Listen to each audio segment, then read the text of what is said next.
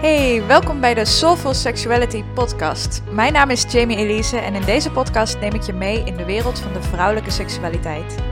Ik heb zelf 10 jaar last gehad van vaginisme of pijn tijdens het vrijen, maar bevind me nu met regelmaat in de zevende sekshemel. En in deze podcast ontdek je hoe jij hetzelfde kunt bereiken. Want seksueel genot is je geboorterecht en dat hoeft niet gefaked of genegeerd te worden. Hey, superleuk dat je weer luistert naar een nieuwe aflevering van de Soulful Sexuality podcast. Ik zat vanmorgen met mijn koffietje in mijn raam, in mijn vensterbank, een uh, post te schrijven voor Instagram over perfectionisme. Want als er iets is dat wij mensen met vaginisme gemeen hebben, dan is het wel een lichte neiging tot uh, perfectionisme. Een klein beetje moeite met het loslaten van de controle. En uh, nou ja, die twee zijn ook heel erg met elkaar verweven. En dat is iets wat ik bij heel veel mensen met vaginisme terugzie. Wat ik ook bij mezelf heel erg terug heb kunnen zien. En um, ja, dat is meteen de disclaimer die ik aan het begin van deze podcast wil geven. Want aan het eind van deze podcastaflevering heb je, als het goed is, een heel goed idee over hoe jij meer zou kunnen ontspannen. Maar dat betekent niet dat je daarna als, een soort van permanente blubber door het leven moet gaan. Um, ik spreek heel veel vrouwen in de intake van, uh, van mijn coachprogramma van Path Pleasure, of als ze al een paar sessies bezig zijn, die dan zeggen: Ja, het lijkt wel alsof mijn spieren permanent aangespannen zijn. En alsof ik alleen ontspan als ik erop focus. En ik heb dan zoiets van, ja, is toch alleen maar goed dat het je opvalt. En als je er dan op focust, dat je dan die spanning loslaat. Uh, ik zat gisteren uh, gister zelf ook uh, weer in mijn yogales. Daar zit ik één keer in de week. En ehm, daar moet ik ook continu, dat ik zo dan, ik ben wel heel erg gespannen. Oké, even loslaten, spierspanning loslaten. En uh, die lerares die moet dat dan ook honderd keer zeggen. En iedere keer dat ze het zeggen, ik, oh ja, ik ben weer aangespannen. Loslaten die spanning. Um, uh, en ik kan gewoon fijne seks met penetratie hebben. Dus het is niet nodig dat jij uh, in een soort permanente blubbertoestand door het leven gaat om fijne penetratie te kunnen hebben te veel spanning, dat uh, werkt dan wel weer averechts. En uh, daarom ga ik in deze podcast mijn drie ultieme ontspanningstips met je delen. Um, ja, ja, ontspanning hè. Wanneer kan je nou eigenlijk ontspannen? Heb je jezelf dat wel eens afgevraagd? Want er is eigenlijk één cruciaal ingrediënt wat je daarvoor nodig hebt. En dat is veiligheid. Ontspanning zorgt niet voor een gevoel van veiligheid, een gevoel van veiligheid is wat je nodig hebt om te kunnen ontspannen. Uh, en dan niet eens per se een bewust gevoel van veiligheid. Want ik hoop en ga ervan uit dat jij je in je huis uh, prima veilig voelt. Dat je je daar hartstikke lekker voelt. Het gaat om een gevoel van veiligheid, met name op het niveau van jouw onderbewustzijn en jouw zenuwstelsel. Uh, twee mechanismen die ook heel erg in verband staan met vaginisme. En met het aansturen van dat vaginisme-reflex op het moment van penetratie. En als je me al langer volgt of als je al meerdere podcastafleveringen hebt geluisterd, dan heb je me ook vast wel eens horen zeggen dat vaginisme in de kern een beschermingsmechanisme is. In jouw onderbewustzijn zit een onbewuste angst voor penetratie of misschien wel voor nabijheid, voor kwetsbaarheid, uh, wat ervoor zorgt dat dat vaginisme-reflex in werking wordt gezet omdat het een beschermingsmechanisme is, laat het niet los als je er tegen vecht. Dat heeft echt geen zin. Het laat pas los als het voelt dat het niet meer nodig is. En dat is wanneer jij veilig bent. Het laat los wanneer jouw onderbewustzijn en jouw zenuwstelsel, als jouw complete systeem eigenlijk voelt, ah, een soort collectieve uitademing van, ah, ik hoef we, hoeven haar niet meer te beschermen. Ze is veilig. We kunnen ontspannen. Um, dus misschien zijn dit wel meer tips uh, in deze podcastaflevering die ervoor gaan zorgen dat jij uh, je wat veiliger gaat voelen. Dat jouw systeem zich wat veiliger gaat voelen bij ontspanning en bij seks ook natuurlijk. En puur bij het aanwezig kunnen zijn in je lichaam. Want ook dat is een hele belangrijke die je nodig hebt voor fijne seks en al helemaal voor, voor fijne penetratie. Um, en als dat gevoel van veiligheid ontbreekt, uh, dan is het eigenlijk niet meer dan logisch dat er zo'n beschermingsmechanisme als vaginisme in werking wordt gesteld. Goed, hoe zorg je er nou voor dat je dat gevoel van veiligheid vergroot en daarmee dus ook beter kan ontspannen en daarmee dus ook de kans op fijne penetratie honderdduizend keer groter maakt? De allereerste tip die ik voor je heb is stop alsjeblieft met jezelf te pushen en te overhaasten. We hebben het allemaal druk. Het leven vraagt van ons allemaal veel. Maar die zelf opgelegde druk, die creëert natuurlijk extra spanning. De druk van: oké, ik moet niet alleen al die dingen doen, maar ik moet het ook nog 100.000% goed doen. Ik moet het ook nog eens helemaal tot in de puntjes perfect doen. Ehm, de druk die ik mezelf oplegde in mijn vaginismejaren was bijvoorbeeld: ik moest en studeren, en ik moest vrijwilligerswerk doen, en ik moest gewoon werk doen, want ik moest mijn studio betalen waar ik woonde. Uh, ik moest ook nog eens vijf keer in de week sporten, want ik moest het perfecte lichaam hebben. Uh, het was allemaal zelf opgelegde druk. Dan probeerde ik ook nog eens werknemer van de maand te worden. En uh, nou ja, je, je snapt wat ik bedoel. Um, het is allemaal zelf opgelegde druk en die creëert spanning. Die creëert heel veel stress. Um, en wat er daarnaast uh, ook bij komt kijken is dat je jezelf vaak overhaast. Want we hebben allemaal maar 24 uur in een dag. En als je daar dus van alles in probeert te proppen, zonder rustmoment voor jezelf, dan ben je continu aan het haasten, haasten, haasten. Uh, iets wat je ook kan overhaasten uh, en wat ik ook bij veel mensen met vaginisme zie gebeuren, is dat als ze eenmaal met hun herstelproces aan de slag gaan, dat ze dat willen overhaasten. Ja, dat werkt ook averechts. Jouw lichaam laat in haar eigen tempo dat uh, vaginisme-reflex los. En dat is heel erg uniek en individueel aan jou, wanneer jouw lichaam, wanneer jouw systeem dat doet. Um, dat, dat, dat is niet iets wat je kan overhaasten. Sterker nog, het overhaasten werkt averechts. Dit zijn allemaal dingen die voor jouw onderbewustzijn, voor jouw systeem, voor jouw zenuwstelsel heel onveilig voelen. Dus kijk eens voor jezelf waar je jezelf misschien iets te hard pusht, of waar je jezelf iets te veel druk op legt, of waar je iets te veel haast voor jezelf creëert. Kun je daar wat van wegnemen en dat eigenlijk vervangen door ontspanning, uh, zodat je lichaam ook uh, die, die rust krijgt om, om weer te herstellen, om weer op adem te komen. Uh, uit, een, uit een lege emmer kan je, kan je niks halen, zeg maar. En uh, als je op deze manier leeft, dus jezelf heel erg pushen, heel erg overhaasten, dan loopt die emmer leeg. Dat creëert spanning. Je raakt gespannen. Je krijgt het allemaal niet af. Je doet het allemaal niet goed genoeg. Uh, en ik ga al bijna, mijn spieren, mijn spieren spannen zich al bijna aan als ik, het, uh, als ik het hier alleen maar over heb. En als ik terugdenk aan de druk die ik mezelf altijd oplegde in mijn vaginismejaren. Nou, de tweede die daar een beetje mee samenhangt, dus de tweede ontspanningstip, dat is eigenlijk dat je gaat letten op de manier waarop je tegen jezelf praat. Uh, en die hangt daarmee samen, omdat we onszelf natuurlijk vaak vertellen van, oh ja, en uh, je doet het niet goed genoeg en je moet het beter doen en je, je, je, je, je doet het allemaal niet best en uh, je mag geen fouten maken en je moet echt zorgen dat je geen fouten maakt. Stel je eens voor dat er iemand naast jou op de bank zit, s'avonds, terwijl je tv zit te kijken, die de hele tijd in jouw oor schreeuwt dat je een mislukkeling bent, dat je het weer verkloot hebt, dat je het ook nooit goed kan doen, dat je het volledig verpest hebt en dat het allemaal jouw schuld is als het volledig misgaat. Zou je je dan veilig voelen? Nee, natuurlijk niet. Hoe zou dat dan in vredesnaam wel moeten lukken als die persoon, als die stem in jouw eigen hoofd zit. En vaak zit die er al, al zo lang en zijn we er zo aan gewend dat we het niet eens meer doorhebben. Als er iemand naast je op de bank al deze dingen in jouw oor zou lopen schreeuwen, dan zou je die persoon meteen je huis uitzetten. Zoiets hebben van, wat de fuck zeg jij allemaal? Wie ben jij? Wat doe je hier? Hoepel op. Maar om de een of andere reden laten we die persoon, die stem, wel in het belangrijkste huis dat we hebben leven. En dat is uh, ons eigen lichaam, ons eigen brein, ons eigen hoofd. En uh, als er iets is wat onveilig voelt, dan is het wel een stem die de hele tijd tegen jou zegt dat je een mislukkeling bent en dat je het niet goed genoeg doet. Uh, misschien zeg je dat ook wel gerelateerd aan seks. Oh, ik ben echt een mislukkeling dat ik geen penetratie kan hebben. Uh, ik ben echt een mislukkeling, want ik kan hem niet bevredigen als ik een pijp. Ik ben echt een mislukkeling, want nou, vul maar in. Uh, hoe praat je tegen jezelf en hoe verwacht je dat jij je met die stem veilig en daarmee ontspannen kan voelen? Het is echt zo goed als onmogelijk. En dit is niet het moment om jezelf nu op je kop te gaan geven dat je zo kritisch tegen jezelf praat. Zo zit je in een uh, visueuze cirkel, zeg maar. Uh, het loslaten van die kritische stem begint bij compassie voor jezelf te tonen. Weet dat die kritische stem ergens vandaan komt.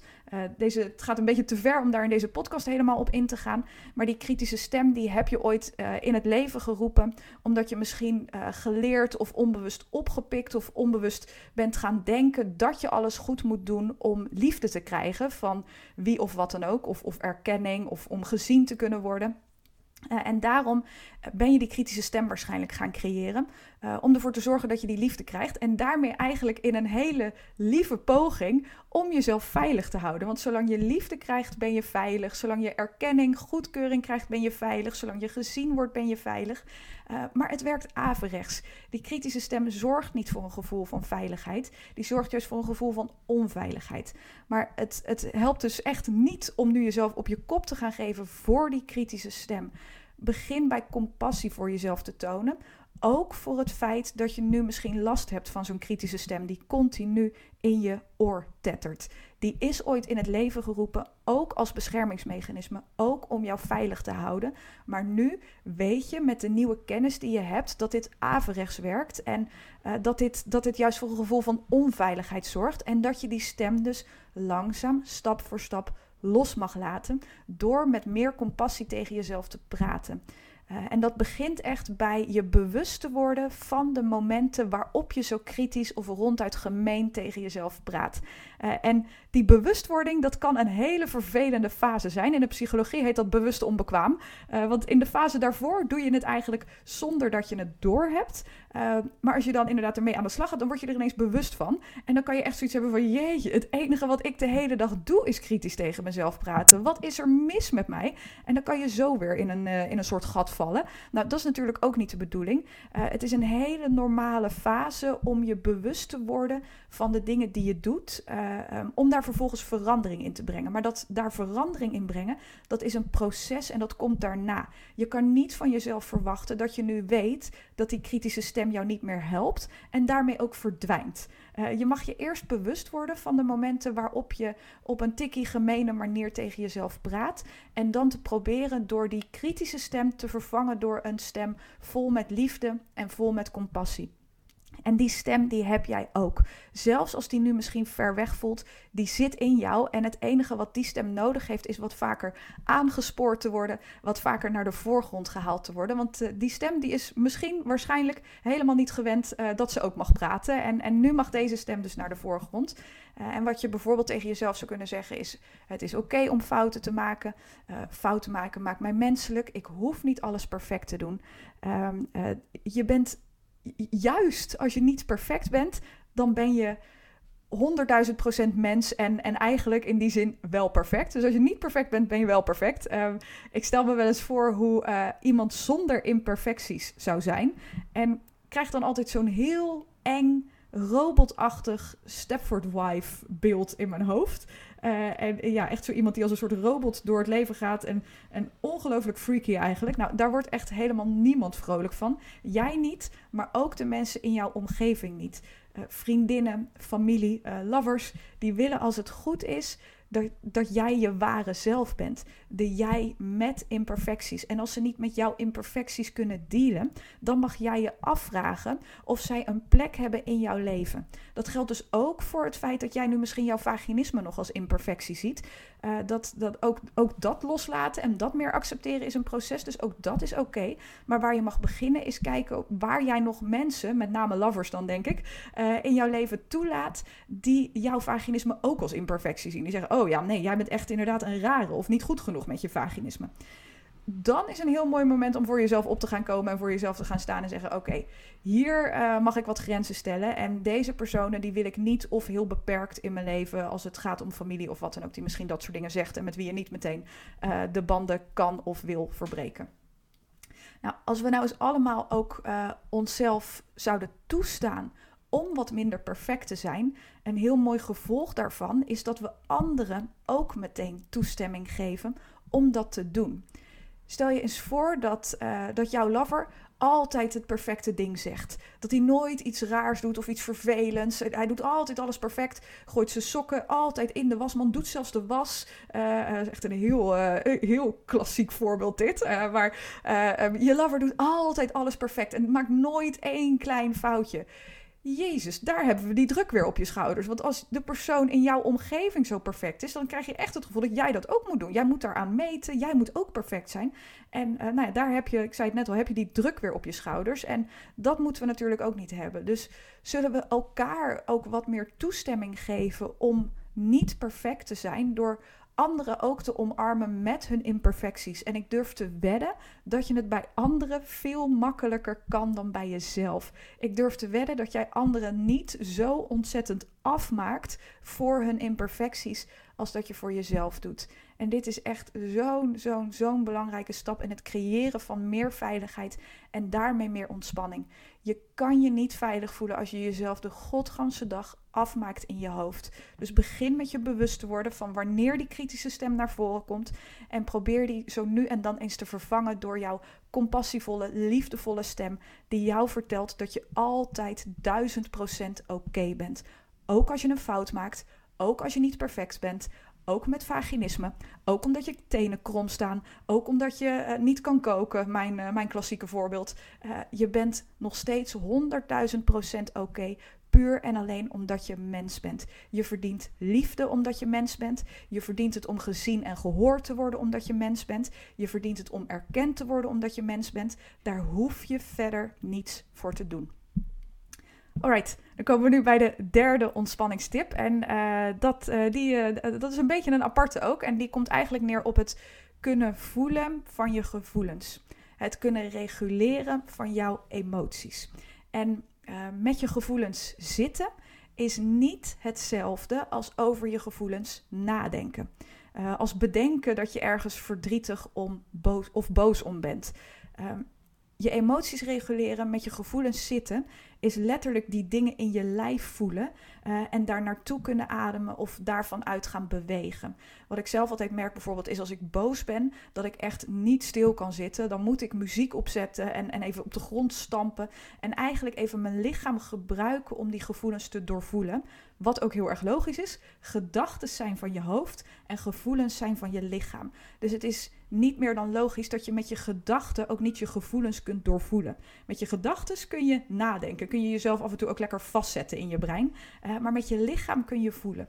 Dus adem naar je gevoelens toe, zit ermee, beweeg vanuit deze gevoelens en reguleer op die manier je emoties. Dit is letterlijk wat het betekent om je emoties te reguleren.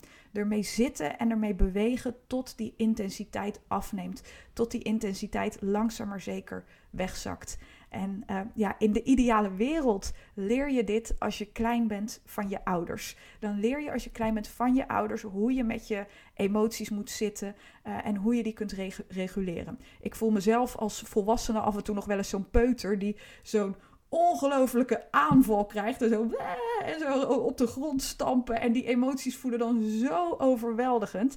Uh, en dat komt omdat ik het, zoals heel veel andere mensen, dit niet van mijn ouders heb, heb geleerd. Nogmaals, in de ideale wereld leer je dat van je ouders, maar dat is bij heel veel mensen niet het geval. Uh, niet omdat je slechte ouders hebt of wat dan ook, uh, maar omdat zij zelf misschien ook veel aan hun hoofd hadden uh, of misschien wel met hun eigen trauma's rondliepen.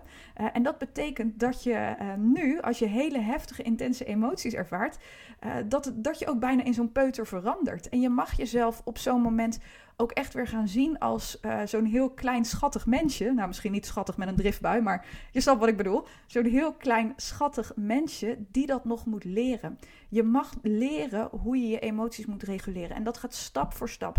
Dus verwacht ook hierin niet van jezelf dat je dit in één keer goed doet. Tussen aanhalingstekens. Ik vraag me meteen af hoe zou dat eruit zien? Hoe zou het eruit zien als je goed je emoties reguleert? Volgens mij bestaat zoiets helemaal niet. Het is letterlijk ermee zitten, er naartoe ademen en uh, er naartoe bewegen. En um, als je dat dus niet doet, als je uh, het moeilijk vindt om je gevoelens toe te laten of te voelen, uh, en dat is wat bij heel veel mensen het geval is, die dus niet van hun ouders geleerd hebben om hun emoties te reguleren, was bij mijzelf ook het geval. Als je dat moeilijk vindt om die gevoelens te voelen, dan creëert je lichaam vaak spierspanning in een poging om die gevoelens buiten de deur te houden. Je spieren aanspannen is letterlijk een beschermingsmechanisme om die gevoelens niet te voelen. Een soort van, oh, ik wil het niet voelen, ik wil het niet voelen, ik wil het niet voelen. Je kan mij natuurlijk niet zien, maar ik zit echt met mijn ogen dicht en gebalde vuisten terwijl ik dat zeg. Uh, en eigenlijk ieder spiertje in mijn lichaam spant zich aan. Dit is heel erg overdreven, maar dit gebeurt dus ook echt op heel erg subtiel niveau als je je gevoelens onderdrukt. En daarmee werk je pijn tijdens het vrije, heel veel spanning op je bekkenbodem, natuurlijk alleen maar in de hand. Uh, als jij permanent rondloopt met een systeem wat gevoelens buiten de deur wilt houden en daardoor eigenlijk verhardt. Uh, ze zeggen niet voor niets dat uh, als iemand uh, als, als mensen, als niets je kan raken, dat je verhard bent. Van, oh, die persoon is verhard, niets kan hem raken. Het lijkt alsof die persoon een soort masker op heeft en nooit emoties toont. Je verhardt letterlijk. Ook je spieren, die, die spannen gewoon aan op zo'n moment. Um, en dat, dat werkt natuurlijk niet bevorderlijk als je even lekker wilt gaan ontspannen. Ik weet nog de eerste keer dat ik uh, hiermee aan de slag ging. Toen was ik even denken hoor. Ik denk dat ik een jaar of 1 of 22 was. En uh, ik, uh, dat was de eerste keer dat ik hulp zocht. Toen nog voor mijn paniekaanvallen. En um, ik had gehoord dat ik moest mediteren. Dat was letterlijk de eerste keer dat ik probeerde te ontspannen. En dat was voor mij zo heftig dat ik, ik, ik voelde. Ik had het gevoel dat ik in een soort draaikolk terecht kwam. Um, dus weet je, doe dit ook stap voor stap. En verwacht niet van jezelf dat als je met permanente spanning in je lijf rondloopt, of met heel, überhaupt heel erg gespannen bent, dat je even lekker een potje kan gaan zitten, ontspannen en mediteren. Want dat kan juist ook averechts werken. Uh, nou gaan we even naar een. Dit, uh, dit, heeft er eigenlijk niet meer zoveel mee te maken. Maar ik wil het je toch meegeven. Omdat ik daar zelf op dat moment best wel van schrok. Ik dacht, oh, ik hoor van iedereen dat het goed is om te mediteren. Dus ik ga dat maar gewoon even proberen. En ik werd helemaal draaierig. En, en kreeg daar bijna weer een paniekaanval van, zeg maar. Um, maar als jij heel veel spanning in je lichaam meedraagt. Als jij je gevoelens permanent onderdrukt. Continu kritisch tegen jezelf bent. Jezelf heel veel druk oplegt. Um, dan maak je ook, um, uh, dan gaat je lichaam eigenlijk een beetje in de overlevingsstand. En als jouw lichaam in de overlevingsstand gaat, want jouw lichaam, jouw systeem voelt zich niet veilig op dat moment, dan komt er heel veel energie vrij uh, om ervoor te zorgen dat je in actie kan komen. Dat was vroeger heel erg handig en heel erg nodig in de oertijd. Uh, als je dan een leeuw in de bosjes hoorde ritselen, dan moest er heel veel energie vrijkomen om weg te kunnen rennen. en dat is eigenlijk wat er nog steeds gebeurt wanneer jij je onveilig voelt. Er komt er heel veel energie vrij. En als je daar dan mee gaat zitten en gaat proberen te mediteren, dan kan dat juist een beetje averechts werken. Uh, dus een manier om je emoties te reguleren en meer veiligheid voor jezelf te creëren, is ook uh, om wat met die energie te gaan doen. Dus inderdaad, wat ik uh, in deze podcast ook al zei, ga bewegen als je heel erg boos voelt en heel erg, heel erg veel intensiteit in je lichaam voelt. Ga lekker bewegen vanuit die gevoelens. Dit zijn ook de momenten waarop sporten juist weer heel goed werkt of heel goed kan werken. Uh, maar soms is beweging dus eigenlijk beter voor die ontspanning dan, uh, uh, dan letterlijk jezelf dwingen om te ontspannen en te gaan liggen en te mediteren. En als je hier meer over wilt weten, dan heb ik een aantal afleveringen geleden heb ik een podcast opgenomen over. ik weet even de precieze titel niet meer, maar het gaat over het reguleren van je zenuwstelsel. Dus ehm, mocht je dit interessant vinden, ga dan zeker even naar die podcastaflevering. En dan gaan we deze nu afronden. Um, ik denk dat je wel is opgevallen dat dit geen quick fix is. Um, als een quick fix had bestaan hiervoor, dan had dat rare advies van die dokter of van die goedbedoelende vriendinnen dat je gewoon moet ontspannen ook wel geholpen. Uh, weet je, ja, er zijn ademhalingsoefeningen en ja, dat soort dingen helpen allemaal. Maar als jij niets doet aan dat chronische gevoel van onveiligheid, wat je misschien met je meedraagt, dan uh, zal jouw systeem zich nog steeds niet veilig voelen en zal vaginisme dus ook nog steeds niet loslaten. Uh, en uh, nou ja, tegen jezelf zeggen: ik moet gewoon ontspannen, dat, uh, dat werkt natuurlijk helemaal niet. dat heb je misschien al eens, al eens gemerkt. En daarnaast, wat ik ook belangrijk vind om je als laatste mee te geven, is dat goed kunnen ontspannen helaas niet genoeg is om je vaginisme te kunnen overwinnen. Vaginisme heeft heel veel verschillende laagjes die ook bij uh, bijna iedereen anders in elkaar steken.